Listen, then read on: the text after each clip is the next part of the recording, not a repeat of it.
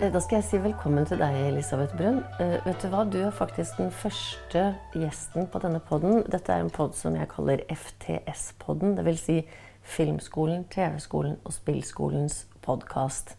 Og det er en podkast jeg har opprettet i egenskap av å være prodekan ved disse skolene. Høgskolen Innlandet.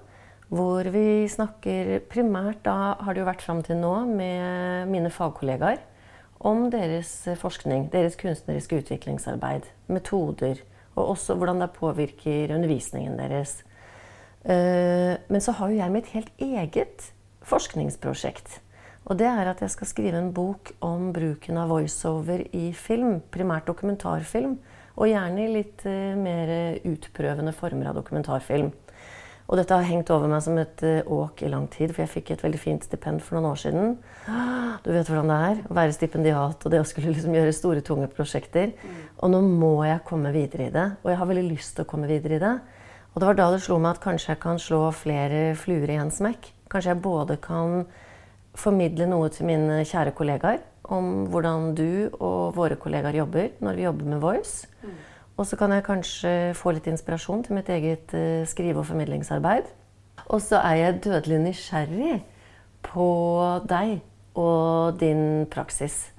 Og det er jo etter at jeg nå ved faktisk to ulike anledninger er blitt presentert for ditt eh, videoessay, som jo heter så mye som 'Three Shapes of Home'. Stemmer det. Ikke sant? Som er et utrolig vakkert uh, audiovisuelt uh, verk, et, et videoessay. Hva handler 'Three Shapes of Home' om? Ja. Eh, topografi Jo, det, Hva er topografi? det er de formene vi ser rundt oss i landskap. Det er fjell og daler og, og i det hele tatt. Og det kan også være bygninger. Og, ja. Så Three Shapes of Home var jo Det er jo bare syv minutter med film. Men det er veldig destillert. Veldig konsentrert. Fordi jeg brukte tre år på å lage det. Så, eh, og det er jo en del av mitt forskningsprosjekt, men jeg kan jo fortelle litt om det etterpå. Ja. Doktorgradsprosjekt. Ja.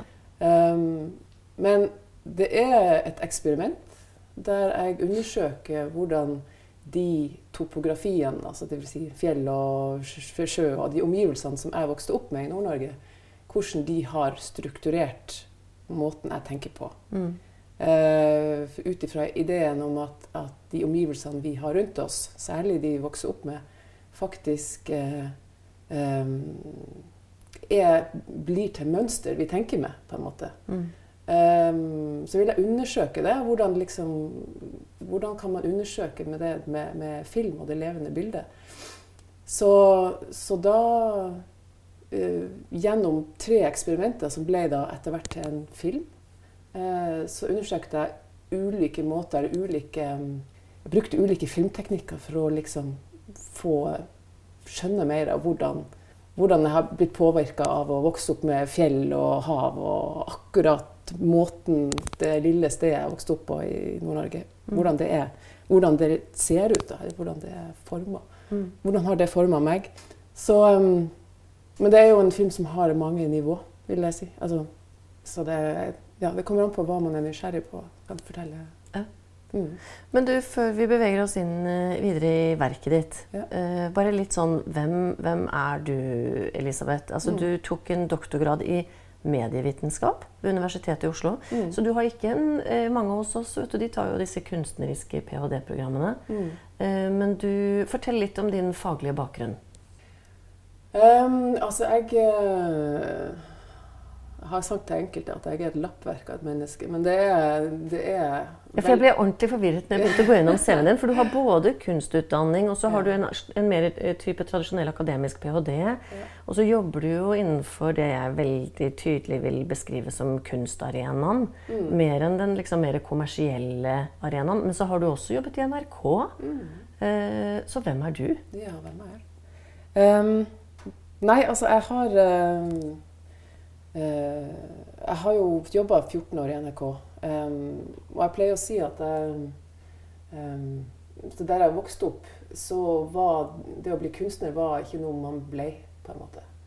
Så, så jeg har vel leita etter hvor jeg hører hjemme, hvor min praksis hører hjemme. Um, og i begynnelsen så trodde jeg at jeg skulle bli journalist. Um, og det var eh, Jeg tok journalistutdannelse. Eh, og øh, jobba med radio først, og så gikk jeg etter hvert over i TV. Jeg ble liksom hele tida dratt mot det lengre formatet og det å gå i dybden. Og, og, og ble, mindre og mindre opptatt av nyheter, men, men mer liksom å, å, gå i dybden og forstå ting gjennom å lage TV eller, eh, eller radio, for den saks skyld. Um, og så etter hvert så, så, um, så tok jeg en, eh, en master i medievitenskap ved Universitetet i Oslo. Og jeg syns det var så innmari tilfredsstillende å, å, grave seg ordentlig dypt inn i noe. Altså det å virkelig forstå noe i dybden var så Det var litt som kokain for hjernen. Altså det var liksom så tilfredsstillende. Mm. Interessant. Så Det er forsker, forskerdelen i det, da, kanskje? Ja. Eh, det er det jo. Men jeg tenkte på det med kunstnerisk forskning som, som eh, et sted jeg trodde jeg kanskje hørte hjemme um, allerede da. Men det fantes jo ikke ved Universitetet i Oslo. Jeg hadde ikke lyst til å begynne på nytt eh, ved å ta kunsthøyskoler eller noe sånt. Så jeg bygger på det jeg har. Så jeg tenkte at ok, da går det kanskje an å, å lage sine egne moduler. på en måte. Ta de tingene du er interessert i, og så, og så eh, og bygge, bygge, noe litt spesielt. Um, så den doktorgradsprosessen den, den gjorde jo at, at jeg fikk et, et, ganske annet forhold til det levende bildet og, og filmen jeg hadde hatt før. Mm. Så hele den prosessen med å finne ut av hvordan kan jeg bruke film til å, eh, til å få kunnskap om noe, istedenfor å underholde eller det å lage et produkt som folk skal eh, lære noe av i NRK-forstand. Det gjorde at, at, eh, jeg måtte åpne opp mitt forhold til det levende bildet. Og dermed så satt jeg igjen med en kunstpraksis. Men var ikke du innom noen kunstskole i Sverige også? I Stockholm? Eh, jo, det var etter ph.d.-en min. Det var etter ph.d.-en? Så du gjorde først en, en, en ph.d. Hva skrev du om i ph.d.-en din da? Ja, da skrev jeg om hvordan man kan eh, tenke med eh, film. Tenke med det levende bildet. Mm. Eh, og bruke filmteknikker som en måte å tenke på. Og da, da fant jeg spesielt en, eh, en, filosof som beskriver og konseptualiserer hvordan man kan tenke det han sier topografisk med eh, det levende bildet. Det vil si at i og med at, at eh, måten vi navigerer oss rundt i verden på, egentlig henger veldig tett sammen med hvordan vi tenker. Um, så, så, eh, og omgivelser strukturerer hvordan vi tenker. Altså vi, metaforene våre er jo henta fra det vi ser og kjenner. Sant? så ja, at, altså, så, så, tenkte jeg jo at da kan man jo tenke topografisk med, med film. Fordi at det er jo um, Så fant jeg en egen måte å gjøre det på, da. Um, og jeg kan ta, gi deg et eksempel. Altså, ved å f.eks. ta en, en, en, form som du er veldig kjent med, og som betyr mye for deg, mm. som har en symbolsk eh, betydning for deg. Som f.eks. jeg tok et fjell i Nord-Norge som jeg vokste opp med, som heter Kloting. Og dette er et fjell som jeg som jeg assosierer sant, stabilitet og, og, og um, integritet. Fordi det er alltid der. Det er noe stabilt. Um, I et liv der man kanskje flytter litt mye rundt. Så, så, um, uh, så tenkte jeg at ja, men det, det forholdet mitt til det fjellet det handler egentlig bare om ett spesifikt perspektiv. Mm. Det er det jeg ser fra bygda mi. Mm. For det er der du stort sett alltid har sett det? Nettopp. Du har aldri vært på baksiden? Nei, nettopp. Eller jeg har jo vært på baksida, men det er sjelden. ikke sant? Ja. Det er ikke noe man går rundt og tenker på. Ja. Men jeg tok så mye bilder av det fjellet. liksom, og jeg lurte på hvorfor gjør jeg det? Det er fordi at jeg har behov for å tenke på det som et slags symbol. Mm. Der hører jeg til. Jeg kommer derifra osv. Eh, men så tok jeg filmkameraet med meg og så gikk jeg rundt det fjellet. Og så redigerte jeg det sammen på en måte som på en måte ikke helt hang sammen. Eh, og jeg merka at det forstyrra det der statiske bildet jeg hadde av det fjellet. Det endra kanskje bitte litt mitt forhold til det, men eh, Så det ble liksom Mitt bilde av det ble mindre statisk og mer eh, ja, virkelig, på et vis. Du tvang på en måte deg selv til å se din, ditt utgangspunkt, din verden, på, fra flere vinkler? Ja, rett og slett. Nettopp. Og det mm. Og det er, tenker jeg, er å tenke topografisk med, med former som du kjenner. Mm, mm. Har blitt, fjellet har blitt et symbol for meg, som jo er egentlig det er jo et bilde, et indre bilde, et nesten et språklig bilde. ikke sant? Så, mm. og så ved å bruke kamera, ved å se det fra flere sider, så påvirker du det. Du forstyrrer det. Du kanskje, ja, Om ikke du oppløser det, så, så, skjer det noe. Det er interessant. Jeg får et sånt minne fra barndommen. Jeg er oppvokst i en gate hvor alle husene var bygget på 60-tallet. Og det var stort sett de samme husene, og så lå de jo nedover i gaten rundt et sånt felt. Ja. Og veldig mange av husene så hadde jo familiene flyttet inn på samme tid, så det var barn i nesten alle hus på min alder. Og det betydde at vi hadde jo tilgang til å komme inn hos hverandre. Og da fikk du jo se verden fra alle disse hjemmene. En ting var at du fikk jo oppleve de nesten de samme husene med ulike interiør. Mm. Det var jo kjempeinteressant i seg selv. Mm. Men når du tittet ut av vinduene, så så du det nærmiljøet med litt annen vinkel. Ja. Og da i en litt annet interiør. Og det var en utrolig fascinerende opplevelse. Det er faktisk noe man kunne nesten laget en videoessay om. Mm.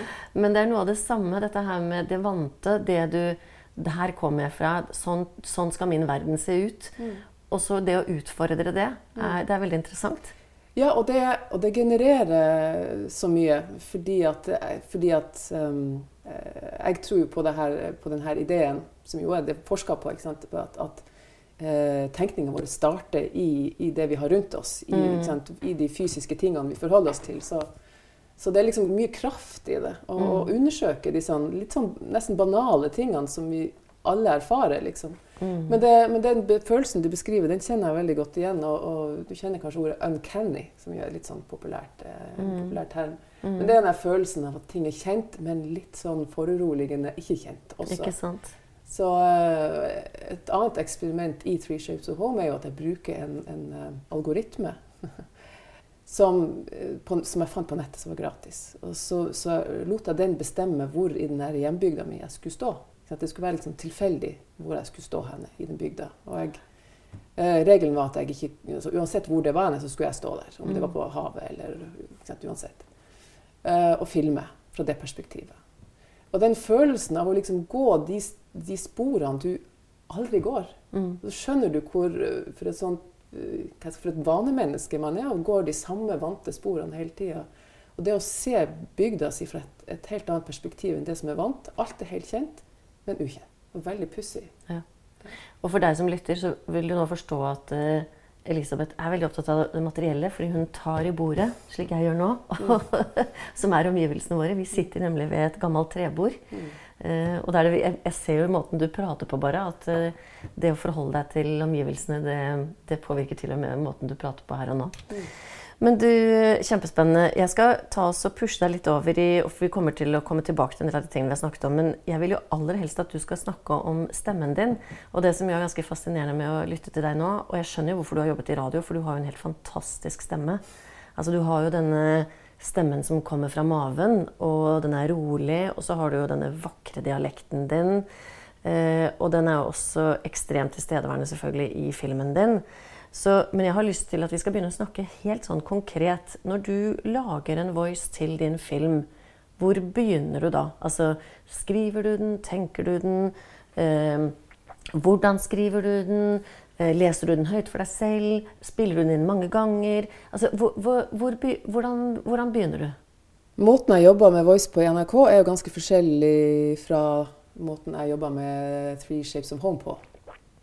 Eh, så hvis jeg kan starte med den, eh, så er det fint. Fordi, ja, fordi det var et, et, et, et brudd.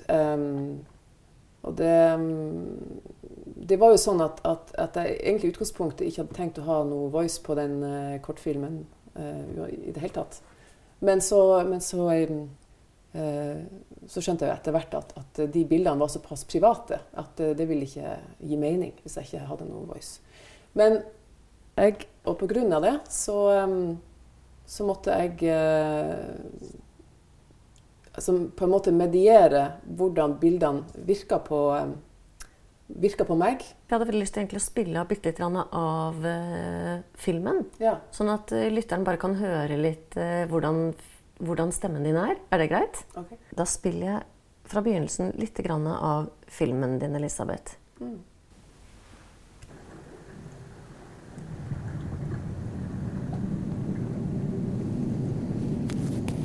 Some say that our times are oceanic, that we are fluid, flexible, connecting, reconnecting.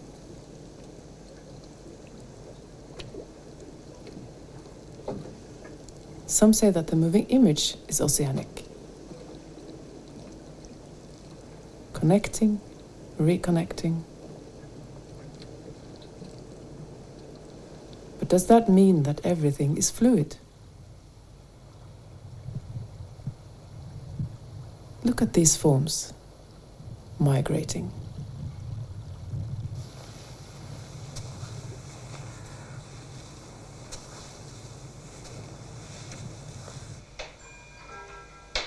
This is a film about places and what place is. About my place, a dear one, where I grew up in the north of Norway. It's about the way places are created or lost. Ja. Jeg tenker at dette er en helt uh, nydelig begynnelse. Altså, den er poetisk. Uh, den suger deg inn i bildene, som er også veldig poetiske. Og så er du veldig tydelig. Du sier hva dette er. Du sier 'This is a film about'. Og du har noen repetisjoner i språket ditt. Uh, du snakker jo om det topografiske. Ikke typografiske, mm. men topografiske. Når du hører deg selv, hva, hva tenker du? Hvordan, hvordan, hvordan du, du, begynner med å snakke om at uh, 'everything is oceanic'. Er det det du sier? Mm. Hva betyr det? Hvor, hvorfor er det der du begynner? Fordi dette er en film om betydningen av form og struktur for hvordan vi tenker. Mm. Uh, og det at verden, eller at vi lever i en tid som er som havet, som er oceanic, er noe som flere akademikere har sagt. Det er blitt populært å si det. Hva mener de da? At alt er i flyt. Ja, Det er pantarei. Ja. Alt flyter. Mm. Det var jo, Hvem var det? Heraklitt eller noe sånt? Å nei, det husker jeg ikke. Jeg vet ikke. Men, uh, men, det er i hvert fall uh, mange akademikere som har skrevet om at alt flyter. Du har uh, Sigmund Bahman. Mm -hmm. mm -hmm. Men i hvert fall at, at, vi lever i en tid hvor, hvor alt flyter, og hvor vi, vi, skaper relasjoner, og så brytes de. Og så, ikke sant? Um, er ikke, liksom, det er ikke noe sånn fasthet. Og, kategorier oppløses. Og, alt går over i hverandre. Mm. Ja. Mm. Så, det, så, det, sies, ikke sant? At, mm. at, vi lever i en tid hvor alt flyter. Eh, og det sies også at, at det bevegelige bildet, filmen, eller det bevegelige bildet, ja, der flyter jo alt også. Ikke sant? Det er som, som havet. Det, du danner forbindelser, og så bryter du dem. Og det er sånn, litt likt. Mm. Uh, men så peker jeg på betydningen av sted, sant? som er noe fast, materielt, håndfast. eh, og stiller liksom spørsmålet hva er det i en sånn tid, mm. der vi sier at alt flyter? Er det sånn at, eh, at Fins det ikke noe fasthet lenger, liksom? Eh, så, så, sier jeg liksom ja, men, men eh, se på disse formene, da.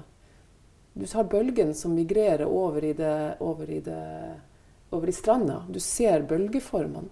Det er jo fast. Det er fastere enn havet. Men, men, det migrerer. Så det er flyt, men det er samtidig også noe som er fastere enn annet. Altså, det er jo en poetisk tekst full av assosiasjon. Så det um, Så absolutt med masse poesi der. der. Er det viktig for deg at den skal være Den er jo nesten som musikk. Det er sånn jeg tenker. Ja. Eh, det, ja, det Så det er ikke det at du har et rasjonale inni deg som handler om at du vil at det skal være vakkert? Det er bare sånn du er? Er det sånn? Det er mer sånn at jeg har måttet holde tilbake den delen av meg tidligere i livet. fordi at i journalistikk så skal du helst ikke være for poetisk. Er det så, deilig å slippe litt fri? Ja, det er litt flaut og litt deilig. Hvorfor er det flaut? Nei, altså Fordi at føle Også i akademia så skal du helst ikke føle så mye. Du skal ikke liksom Du skal tøyle de assosiasjonene litt. Ja, ikke sant? Ja. Det er grenser, liksom. Ja. ja. Så, så, derfor så, så, liker jeg å gi det en retning. Mm. Det skal undersøke noe. Og så gjør du det jo på engelsk. Ja. Og hva er grunnen til det? Det er fordi at dette var en del av en doktorgrad som skulle ha engelske altså folk andre, sted, andre land ifra som skulle bedømme det. Eh, men jeg har tenkt at jeg definitivt burde lage en nordnorsk versjon. Jeg tror det, vil bli mye nær, nærmere også. Ja, ikke sant? Men det jeg jo ser, er at uh, denne både kunstformen og akademiske formen, den er jo veldig engelskstyrt, da. Ja. Når jeg leter på nettet etter uh, utgaver som jeg tenker egner seg den formidlingen jeg driver med, så finner jeg egentlig bare ting på engelsk. jeg. Mm. Så det har blitt en veldig anglofisert uh, verden, den, dette med videoessays, opplever jeg. Mm. mm. Ble Three Shapes of Home ble den laget for et eget formål i forhold til noe av din forskningsvirksomhet? Eller er den mer som et frittstående kunstnerisk verk å regne i din pågående prosess som, som filmkunstner? Jeg trodde jo at den måtte ha en hel avhandling eh, med seg for å kunne bli forstått. Men den har jo fungert som et uavhengig verk, faktisk. Jeg mm. sendte den ut til en konkurranse, uh, Ivan Juritz Prize, uh, Kings College det må, det må andre søke på. Da Lete opp det. det. Hva er det for noe? Det er en eh, pris til um, studenter, ph.d. og masterstudenter innen kunstfag. Eller andre som, lag, som de med kunstnerisk forskning i andre, andre typer fag, sånn som jeg gjorde. Der de, der de, kårer vinnere, og de får eh, residens, og de får en liten pengepremie. Og, og den er ganske den er ganske an, godt ansett der ute. Ja, og. Du, fikk du den prisen, eller? Jeg fikk prisen. Nei, men Gratulerer. Jo, takk, jeg skal legge lenke i informasjonen. Og da legger jeg kanskje også lenke til eh, din uh, film. Ja. Som jo ligger ute i Screenworks, for du har jo skrevet en artikkel om den i Screenworks. Og der er den jo tilgjengelig for offentligheten. Mm. Uh, sånn at lytterne vet det, at da kan de gå inn i informasjonsbiten og, og titte og lese litt. Så det er noe du anbefaler. Og så har du hatt den på en rekke festivaler, har du ikke det? Jo, den har gått uh, til mange festivaler. Det har jo overraska meg, meg, litt at den slo såpass an, eller at den uh, gir mening for uh, så mange. Mm. Så det, er, det, må jo være noe med den der litt sånn allmenngyldige, og så har den noe, kanskje noe litt originalt ved seg som vekker litt oppsikt. Tror det. Mm. Men tilbake til stemmen. Ja. Hvordan leser du inn stemmen? Hvordan jobber du med mikrofonen, helt sånn prosaisk? Uh, nei, altså jeg liker å Jeg liker å respondere på bildene. Jeg syns det er kjempevanskelig å skrive kommentar eh, i et vakuum. Mm. Så ofte som jeg har bildene først, for å liksom kunne respondere på dem og skjønne hvordan stemmen skal være, musikaliteten din, og hvordan den skal strekkes. og Skal jeg bruke humor nå, eller skal jeg eh, være mer alvorlig, eller hva, hvordan skal den være? Så um, så det syns jeg øh, kan være litt plagsomt at jeg ikke får til å lage den på forhånd, på en måte, sånn som veldig mange andre gjør. Og så, du skriver ikke et type utkast på forhånd heller, som jo, du heller bearbeider underveis? Jo, Jeg forkaster jo tre fjerdedeler når jeg er i situasjonen, for det passer ikke. ikke sant? Nei. Så det er jo noe med uh, Ja. Det, det, der møter jeg liksom uh, Ikke veggen, men, men, men uh, det jeg har planlagt, blir ofte forkasta. Men er ikke det en del av hele den kreative prosessen? Jo, det er jo det. Men når man skal skrive sant, eh, man skal skrive treatment, og man skal skrive manus, og så skal man jo også tenke ut den esaistiske stemmen. For den, mm. hvis den skal være tydelig og bærende, eller, så bør den jo ned på papir. Mm. Og det er det som jeg syns er vanskelig, hvis du ikke har liksom filmmateriale enda. Ja. Mm, så da blir det sånn småbiter som må pusles sammen, egentlig. Ja. Det blir mer sånn. Det er jo vårt evige dilemma, det der, og spesielt som eh, jeg jobber for seg både med fiksjon og dokumentar, og i dokumentar oppleves det jo enda mer påtvunget fordi så mye av filmen skal bli til mens du skyter, mens en fiksjon i mye større grad tross alt er planlagt med et manus i forkant. Da. Men også der endrer jo ting seg underveis. Mm. Men dette at vi skal prøve å, å lande ting før det er blitt laget På den annen side så er det vel det som også dytter oss videre i prosessen til faktisk å å lage det videre. Mm. Jeg tenker også det fins noen eh, Det jeg syns er fint da, i, i voicen din du, du, sier at du bruker litt humor, og du sier sånne ting som Let's play, sier du.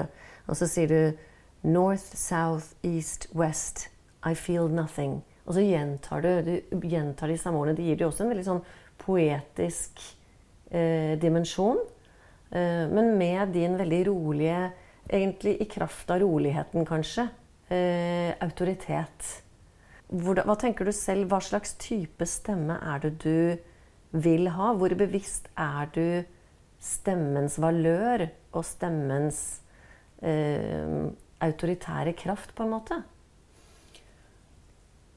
Hmm, jeg tror Jeg tror stemmen er et instrument som hvis man øver mye på det, så eh, begynner man å kjenne mulighetene. Og i og med at jeg jobba i radio i NRK P2 i en del år, så har jeg jo hørt min egen stemme mange ganger. Det blir som å se seg i speilet når du er danser. At du, du skjønner eh, hvordan du skal navigere den. på en måte. Hvordan du kan strekke i den og tillegge følelse eller eh, Så det blir et instrument som man etter hvert spiller bedre og bedre. Så det er sånn jeg opplever det. At jeg jeg kjenner mulighetene i stemmen. Vet hvordan jeg kan uh, uttrykke ulike stemninger eller følelser med den. Men for jeg tenker at sant, Hvis du har en stemme som er veldig sånn her oppe, og, og, eller hvis du til og med i en diskusjon og får en veldig pitchet stemme, så ofte så målbærer jo ikke den argumentet ditt så godt som det å ha en stemme som er sånn som du har i filmen og her nå. Og Er dette noe du bare er født med, eller er dette noe du bevisst forholder deg til? Mm, det er ikke noe jeg bevisst forholder meg til, nei. Egentlig ikke. du har bare kjempeflaks? Det var et vanskelig spørsmål, gitt. Fordi jeg, eh, jeg, tenker veldig lite på det. Men jeg er jo kjent med at den kan ha den effekten. Sånn at jeg kan jo også spille på det. Og det er jo til hjelp f.eks. hvis jeg er nervøs og skal presentere noe, og på en måte senke eh, tempoet litt. Altså. Og så ser man ikke det så tydelig, kanskje. Men um, ja, nei, det er vanskelig. Um, litt flaks og litt uh, bevisst rundt det, tror jeg. Begge deler. I og med at filmen er fra ditt hjemsted, som er Hvor i Nord-Norge er dette? Vesterålen. Vesterålen, mm. ja. I hvert fall for en sånn uh, storby-Oslo-Berte som meg, da, mm. så er det jo et slags sånt, det er liksom den sindige nordlendingen også. Men jeg vet ikke om det er politisk ukorrekt å si i dag. Kanskje det blir feil. men det er i hvert fall noe med din din rolige, vakre stemme mot denne fantastiske naturen. Mm. Hva tenker du om de to elementene sammen? Jeg tror jo at når man er vokst opp eh, i ei lita bygd i Vesterålen, eh, så har man kanskje et litt annet tempo i kroppen. Så det, går jo, det her eh, går jo på hvordan omgivelsene har forma deg. ikke sant? Og det har du klart å ivareta etter mange år her på Østlandet, da? Ja, på en måte. Men samtidig så har jeg jo et høyt tempo når jeg produserer ting. Og når jeg, når jeg tenker, har jeg et høyt tempo. Men, jeg, men, ja, jeg har en slags rolig rytme um, mm. Når jeg tenker og reflekterer og snakker med folk. Ja. I filmen så I hvert fall den første delen, hvis jeg husker det riktig, den er jo stort sett i ett bilde. Og så begynner du å dele opp i en split screen. Som jo er et grep jeg ser at blir brukt ganske mye i videoessay. Mm. Eh, hvorfor velger man det? Hva, hva, hvilke muligheter gir det deg? Jeg tror at det å splitte opp eh, bildet eh, appellerer til mange som lager essayfilmer. Fordi at det, det, handler om essayets muligheter, eller essayet som form. At du putter sammen to ting som ikke nødvendigvis hører så godt sammen. Og så er det seeren eller lytteren eller eh, leseren eh, som må som må gjøre forbindelsen sjøl, på en måte. Og I essayfilmen så er det et kjennetegn. Hvis man ser flere essayfilmer som kan være vidt forskjellige, men så er det her eh, litt sånn kjennetegnet at du, du, du, lager, du, lager, mellomrom, eller du lager konflikt med, mellom to bilder, eller mellom det som sies eh, og det som vises. Eller f.eks. en idé som er veldig rådende i samfunnet, og selve filmen. Mm. Altså Den er litt sånn konfliktsøkende for å øh, lage noe nytt, for at noen nye tanker skal oppstå. Pir den pirker litt i folk. Men hvorfor stoppe ved to? Hvorfor ikke ha fire eller seks? Det blir så mye informasjon. Det, uh, Three Shapes of Home er jo veldig minimalistisk, egentlig. Det er jo Jeg ville ha så få uh, bilder, eller så få strukturer som mulig. Altså ikke, ikke pøse på med informasjon, for det blir Um, fordi, først og fremst fordi jeg brukte de eksperimentene til å tenke med selv. Og hvis du da pøser på med informasjon, så blir det så mange tanker som oppstår. Eller så mange ting du kan lede ut fra det. Det blir støy. Men også det at, at um, jeg tror at man veldig fort blir overvelda når man hører på ting eller ser på ting. Og, og, at man tenker klarere hvis man blir presentert for uh, bare to. Uh, to motsetninger. Apropos to, da. To, altså split screen og tittelen 'Three Shapes of Home'. Mm. Og nå har jeg sett filmen et par ganger, og jeg burde kanskje egentlig ha svaret selv, men jeg må nesten spørre deg likevel. Hva er det som er de three shapesene? Det, disse tre kapitlene, tre eksperimenter, tre ulike filmteknikker som former hvordan jeg opplever stedet mitt på tre måter. Egentlig fire, for der er, men tre hovedmåter. da. Som vi blir presentert for i løpet av filmen. Ja. Nettopp. Ja. Men du, hvorfor eh, videoessay? Hvorfor, det, hvorfor appellerer det til deg?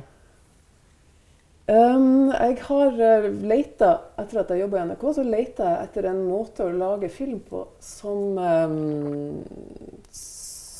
Som tok det på alvor at film er en måte å tenke på.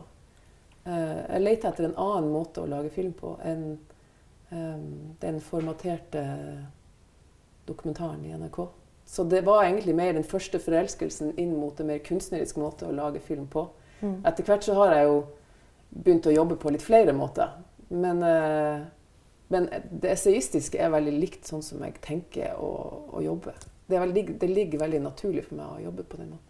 Har du noen strenge definisjonskrav til hva et videoessay er for deg? I forhold til type lengde? Skal det, ha en, skal det inneholde en type humor? Skal det, eh, skal det være tydelige referanser? Eller har du, er det noen krav du stiller til deg selv når du går i gang med et videoessay?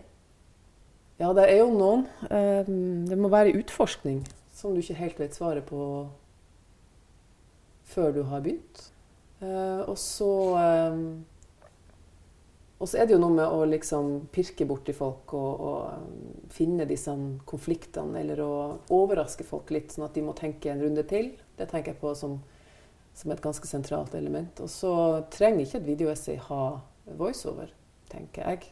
Altså, mange tenker kanskje på et videoessay som tekst med bilder til. Eh, jeg tenker at det godt kan være det motsatte. Eh, Three Shapes of Home var jo nesten ikke et videoessay, men, men det, det er jo bilder med bare litt sånn noe, noe eh, voiceover som responderer på bildene. Um, men, men jeg vil si at det er mange filmer som ikke har voiceover, som også er essayistiske, fordi de nettopp går etter disse konfliktene mellom bilder, eller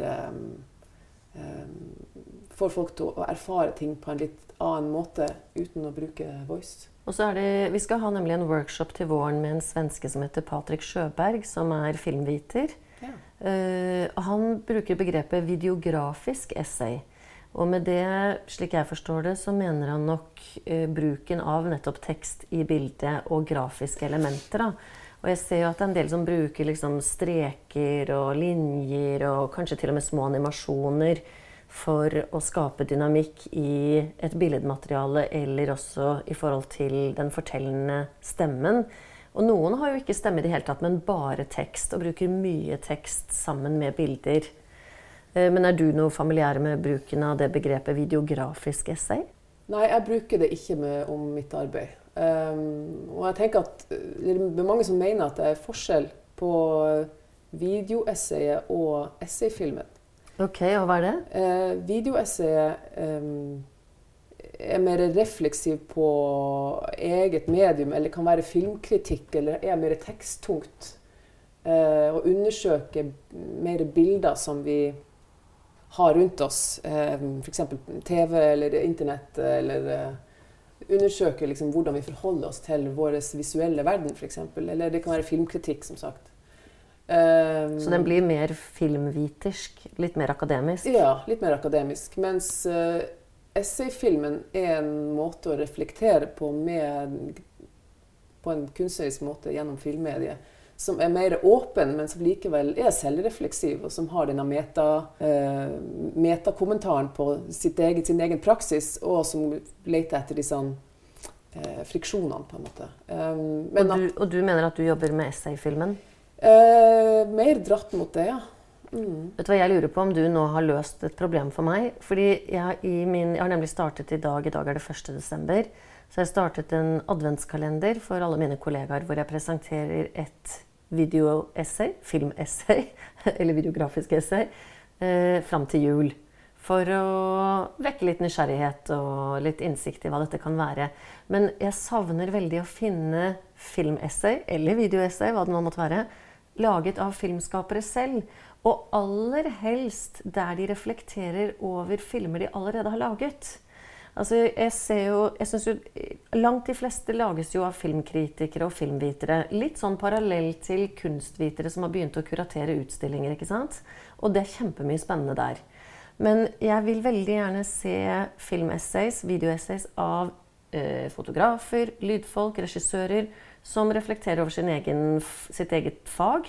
Men aller helst der de faktisk tenker høyt om arbeid de allerede har gjort. Men det er ikke lett å finne, altså. Mm. Har du noen gode råd til meg, eller? Eller kanskje skal begynne å google filmessay istedenfor videoessay? Jeg har mange eksempler til det. Eh, om fotografer og filmskapere som lager essay. Men det er jo ikke alle som lager det om sin egen praksis. Altså den, jeg er vel trukket mer mot essayfilmen. Har, har, du noen favoritter? Eh, ja, jeg har for så vidt det. Altså, men det, jeg liker jo kanskje aller best eh, kunstnere som lager essayfilm om eh, altså både det å lage film, men også livet i seg sjøl. Mm. Eh, og reflektere over samfunnet de lever i, eller, eller eh, som er eksistensielle. Eller som, eh, og det er nok mer trukket mot enn å reflektere på, bare på egen praksis. Eller å reflektere over de filmene andre har laga. Så det er jo uli mange ulike typer essayistikk innenfor film eller video. Ja. Mm. Men, eh, og grunnen til at jeg spør, er jo fordi at hvis man skal tenke seg videoessayet, da, eller filmessayet Nå prøver jeg å ikke si det alltid eller hver gang nå. Men uh, hvis man skal tenke på det som en metode for faktisk å reflektere over egen praksis, så hadde det vært så gøy å se liksom, eklatante eksempler på det. Tydelige eksempler der dette gjøres. Men det er nok sånn at de fleste filmskapere som jobber praktisk med filmproduksjon, har nok med nettopp å lage de filmene de skal lage. Og er ikke så opptatt av å reflektere over det. Det gjør man i intervjuer, og man gjør det i andre sammenhenger. Eh, men jeg tenker at både i en pedagogisk sammenheng og for ettertiden så hadde det vært utrolig interessant å høre filmskapere i ulike fagfunksjoner gjøre nettopp det. Og hvis man da ikke vil skrive en bok, fordi man ikke er så attrahert av å jobbe i det skriftlige formatet, så er jo nettopp dette en, en mulighet som jeg håper at kanskje kan bli mer utnyttet. Mm. Absolutt. Um, du kan jo si at 'Three Shapes of Home' var, var en slags refleksjon på egen praksis. Så det er jo eh, Når du har eh, masse materiale eh, og har laga en film f.eks., så, så har du også materiale til å kunne reflektere mm. på det. Mm. Og gå gjennom prosessen eller reflektere over hva slags effekt de ulike typene bilder har. Så selv om man da ikke har så mye tid underveis i produksjonen, så vil man jo sitte med et materiale som kan brukes kanskje i ettertid. Hvorfor slutter den der den slutter? Da er du under vannet. Du begynner med vannet, og du slutter med vannet. Mm. Og så har du barn med på slutten der. Det kommer mennesker inn i bildet. Ja, altså Det var jo en utforskning av uh, havet under overflata opprinnelig. Um, nei, det var et innfall. Um, fordi krabben tok jo kamera. Det var jo morsomt. Og det var et innfall jeg hadde mot slutten. Uh, litt ut ifra den logikken at um, nå har jeg uh, utforska tre måter kamera kan endre min opplevelse av hjemstedet mitt på. Eh, det har gått fra det poetiske til det mer lekne og eh, eksperimentelle. Men nå er jeg ferdig, så nå kaster jeg kameraet til krabben. Nå kan krabben ta over. Nettopp. Det er liksom også å gi opp litt sånn der menneskelig søken på eh, hele tida skulle utforske sin egen praksis og måte å filme seg sjøl på. Liksom, nei, nå kaster vi det bort. Har du fotografert det selv? Med GoPro, ja. Ja, mm. ja. Men er alle bildene fotografert av deg? Ja. Ja, de er det. Mm. Nettopp. Og, så, og for at Du har noen fantastiske vakre bilder der med fjellet, og hvor det bytter farver. Og, men det er gjort i postproduksjon? Det er postproduksjon, ja. Du, du har skrevet en uh, avhandling om film og essayistikk som skal bli bok neste år. Mm. Som kommer ut på prestisjetunge Rootledge. Gratulerer. Takk. Uh, hvordan har du jobbet med den? Jeg jobber med den akkurat nå. Um, det er jo å skrive ekstra kapitler der det trengs. Skrive, skrive den om til bokform. Det, det, er jo en prosess, det. det tenker du det som en, en lærebok, eller eh, hvem er målgruppen din?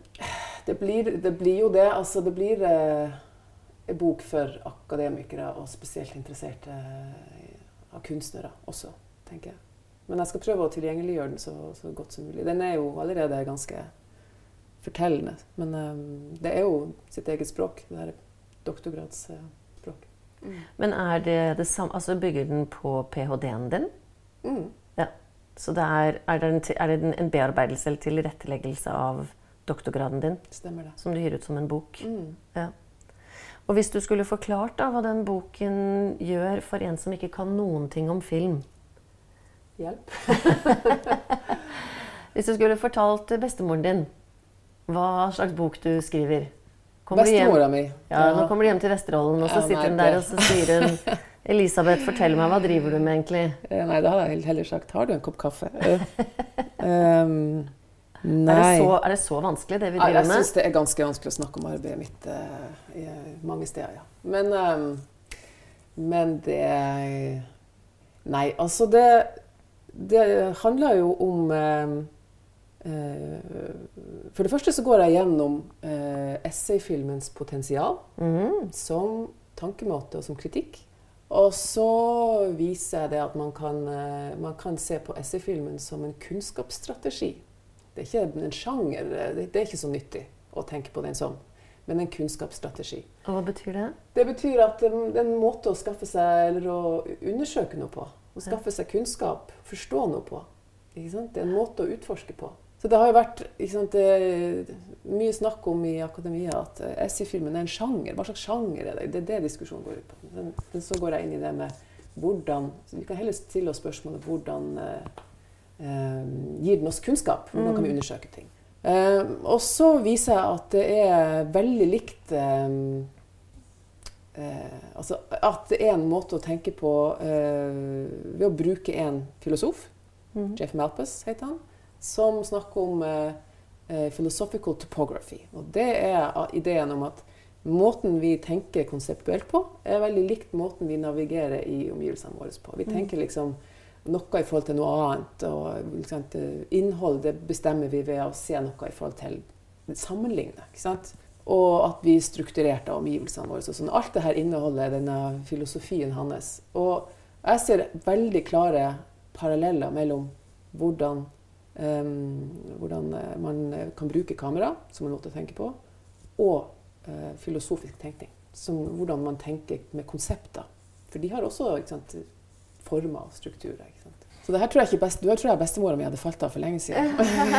Men jeg synes det var interessant også det du, når, når, du nevner denne filosofen, for da er du tilbake til dette med topografi, som jo ja. du hele tiden kommer tilbake til. Mm. Og så tenker Jeg at, eh, for jeg blir veldig nysgjerrig. Hva er det som driver deg inn i dette betydningen av det topografiske for deg? Altså dette med naturen vi kommer fra. Mm. Er du drevet av et eh, klima- og miljøengasjement, eller er det mer en sånn freudiansk hvordan vi er forankret i de omgivelsene vi kommer ifra.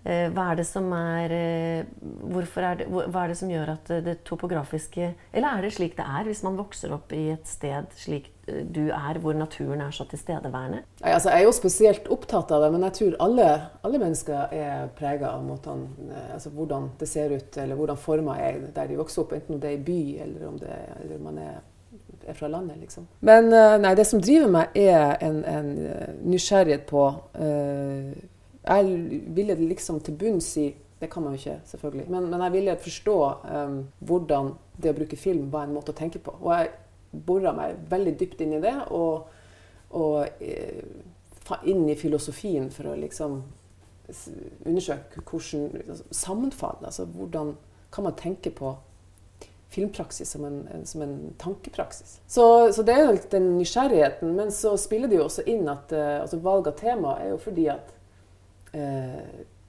de områdene der i nord hvor jeg kommer fra, betyr så mye for meg. Og det syns jeg også er interessant. Hvorfor det, liksom? Hvorfor har jeg Hvorfor har jeg et så nært forhold til det? Hvorfor tar jeg det med meg, eh, selv om jeg bor i byen? Og, og det er jo ikke bare jeg. Det er veldig likt for mange som, som kommer fra områder hvor de kanskje lever ganske tett på naturen. Men um, jeg snakker også med folk som kommer fra byen og har veldig nært forhold til et gatehjørne eller uh, et, et, sted i byen hvor de har vokst opp. Eller. Så det er jo noe med? Det handler jo også om at om man har positive opplevelser til disse, disse formene. Så har man ikke det, så vil man kanskje bort fra det. Så eh, det var en historie om en som, eh, som hadde vokst opp ved sjøen, eller dro, dro ut til sjøen på somrene da han vokste opp. Jeg husker ikke hvor det var, et eller annet sted i Europa. Eh, Men som av den grunn, eller kanskje av den grunn, følte seg så veldig hjemme i Berlin, som har åpne, store rom. Jeg har så positive opplevelser med det åpne, det, de vide horisontene. Så det Der, der er det noe. Um, så det er også en, eh, en, en drivkraft. Men så har jeg jo Disse eh, undersøkelsene har jo ført meg inn i eh, miljøspørsmål. Mm. Så det er jo blitt eh, et område jeg har blitt interessert i, eller blitt, eh, ser at jeg kan bidra inn i. Fordi at hvordan vi forholder oss til eh, miljø og omgivelser, er jo veldig sentralt. Du, Vi skal nærme oss en uh, avrunding her. Og det er kanskje egentlig ikke et spørsmål, det er kanskje mer egentlig en konstatering av det du allerede har sagt. Fordi at jeg fant ditt uh, forskningsspørsmål i artikkelen du har skrevet i Screenworks. Og så oversatte jeg den til norsk i ChatGPT. og da hørtes den sånn ut. Uh, forskningsspørsmålet ditt er demonstrerer denne filmen hvordan essayistisk filmmaking, altså skape, filmskaping, kan utforskes og videreutvikles som en måte å tenke topografisk på. Dvs. Si å tenke konseptuelt gjennom ikke-verbale teknikker som kamerabevegelse, kameraposisjon og klipping, om steders former og strukturer og deres innvirkning på hvordan steder oppleves. Ja, Det er vel egentlig det du har sagt. Du, du kan gjenkjenne deg i det? Ja. Men du, du jobber jo også med en ny film som heter Big Tech Blues. Arbeidstittelen. Mm. Har du, vil du fortelle oss litt om hva det handler om, da? Vi er jo i utviklingsfasen, så alt er jo usikkert, som det jo gjerne er. Ikke sant? Men eh, Nei, altså Elon Musk, SpaceX, en, eh, en underleverandør, en, et norsk selskap som representerte dem, kjøpte jo skolen, eh, min barneskole, som er nedlagt. Din barneskole i Vesterålen? Ja. Nettopp. For å lage en eh, antennepark. Ah, Eh, og eh, det gjorde de for et par-tre år siden. Eller noe sånt. Um, og, så, og så ble eh, folk i bygda veldig sinte. Syntes at uh, prosessen var litt overkjørende. At den, uh, de ble engstelige for hva, hva slags eh, støy som ville dukke opp på stedet. Altså hvordan det ville se ut. Um, og det her var jo liksom Barneskolen var jo et sted hvor det var mye liv Uh, hvor folk oppholdt seg, hvor vi nesten alle sammen har vokst opp. Uh, og, eh, så det ramma noe veldig sentralt at de kom og skulle lage en antennepark der, som jo etter mange, mange syn både stygg og, og støye. På et sted som Ja, bygda har jo ikke skole lenger, har ikke butikk. Eh, dagligvarebutikk, har ikke postkontor. Eh, så det er liksom stillheten og skjønnheten man har igjen, da, som gjør det til et godt sted å være. Men det kom kanskje med lovnad om eh, arbeidsplasser, eller? Absolutt ikke. Ikke det? Nei da. Ikke noen arbeidsplasser i en antennepark. Det trenger kanskje én vaktmester eller noe sånt. Um, så det var eh, opprør og motstand, og jeg var jo en del av denne motstanden. Um, og eh, ved hjelp av fellesmøter og jobba med research, så klarte man å stoppe det. Altså at Man klarte å argumentere godt for det og klarte å stoppe det.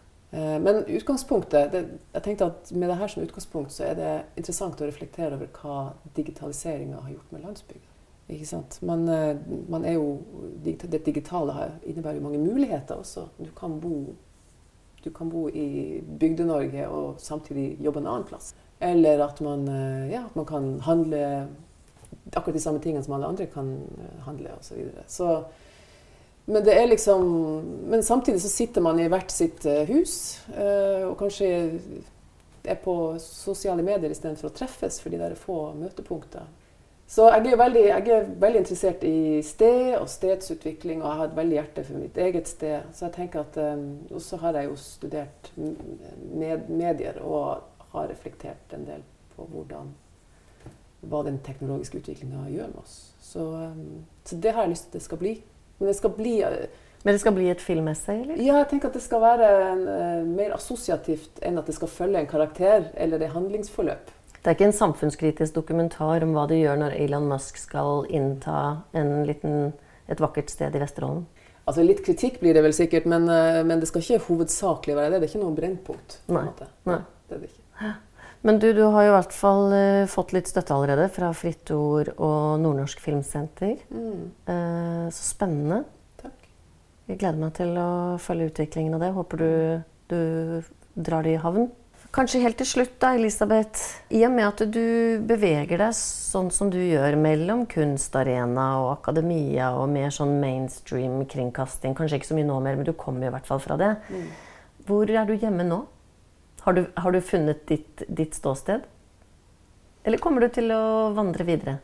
Ja, Det spørs hva man mener med å være hjemme et sted. Altså, Jeg er hjemme i det å ikke være hjemme noe sted. hvis du skjønner. Altså, Jeg har Mhm. laga mitt eget rammeverk. Ved, ved, um, det starta med den doktorgraden. Jeg tenkte at jeg, siden jeg ikke hører entydig hjemme i noen kategori, så må jeg jo lage min egen kategori. på en måte. Så det, men jeg jobber jo i krysningspunktet mellom um, kunstnerisk forskning og humaniora, som jeg jo har en ph.d. i, altså i, fra humaniora. Mm. Ehm, og ehm, Ja. Så det er jo mellom eh, kunst, kunstpraksis og, forskning at jeg befinner meg. Og der trives du? Ja, der, der trives jeg. Ja, men det, det er ordentlig fint. Ja, og nå har du til og med en, en forskerstilling på Westerdals. Jeg er gjesteforsker. Gjesteforsker, ja. Mm. Hva vil det si å være gjesteforsker? Det betyr at jeg eh, jeg utvikler jo et forskningsprosjekt der. ehm, som er et samarbeid mellom estetikk eh, og kunstnerisk forskning i film og medier og geologi. Oi! Ja. Så, eh, så det betyr at jeg har eh, Det er ikke lønna. Jeg får, får litt lønn for det, men det er ikke en lønna stilling. det Men det er en slags status som gir deg tilgang til alle systemer. og sånn. Men den høres jo faglig litt sånn interfakultær ut. Betyr det at du inngår i en forskergruppe sammen med andre som er innenfor helt andre disipliner? Ja, ja. Jobber med geologer fra Geologisk institutt ved Universitetet i Oslo. Så, eh, så jeg skal lede et prosjekt, forhåpentligvis, eh, som eh, skal undersøke hvordan man kan få kunnskap om tid.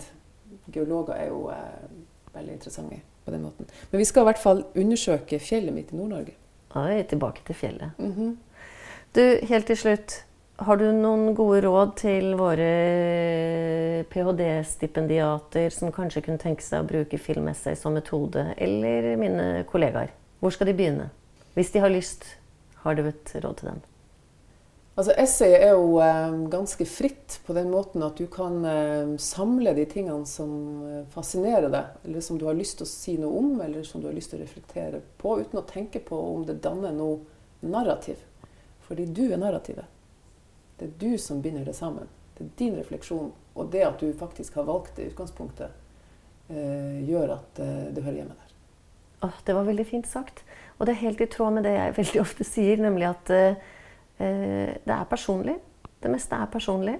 Og ta utgangspunkt i deg og ditt, og gå videre derfra. Ja, så bra. Ja, det var fint at du sa det, så slapp jeg å si det. Så bra at vi er på linje. Ja. Takk, Elisabeth. Ja. Takk sjøl.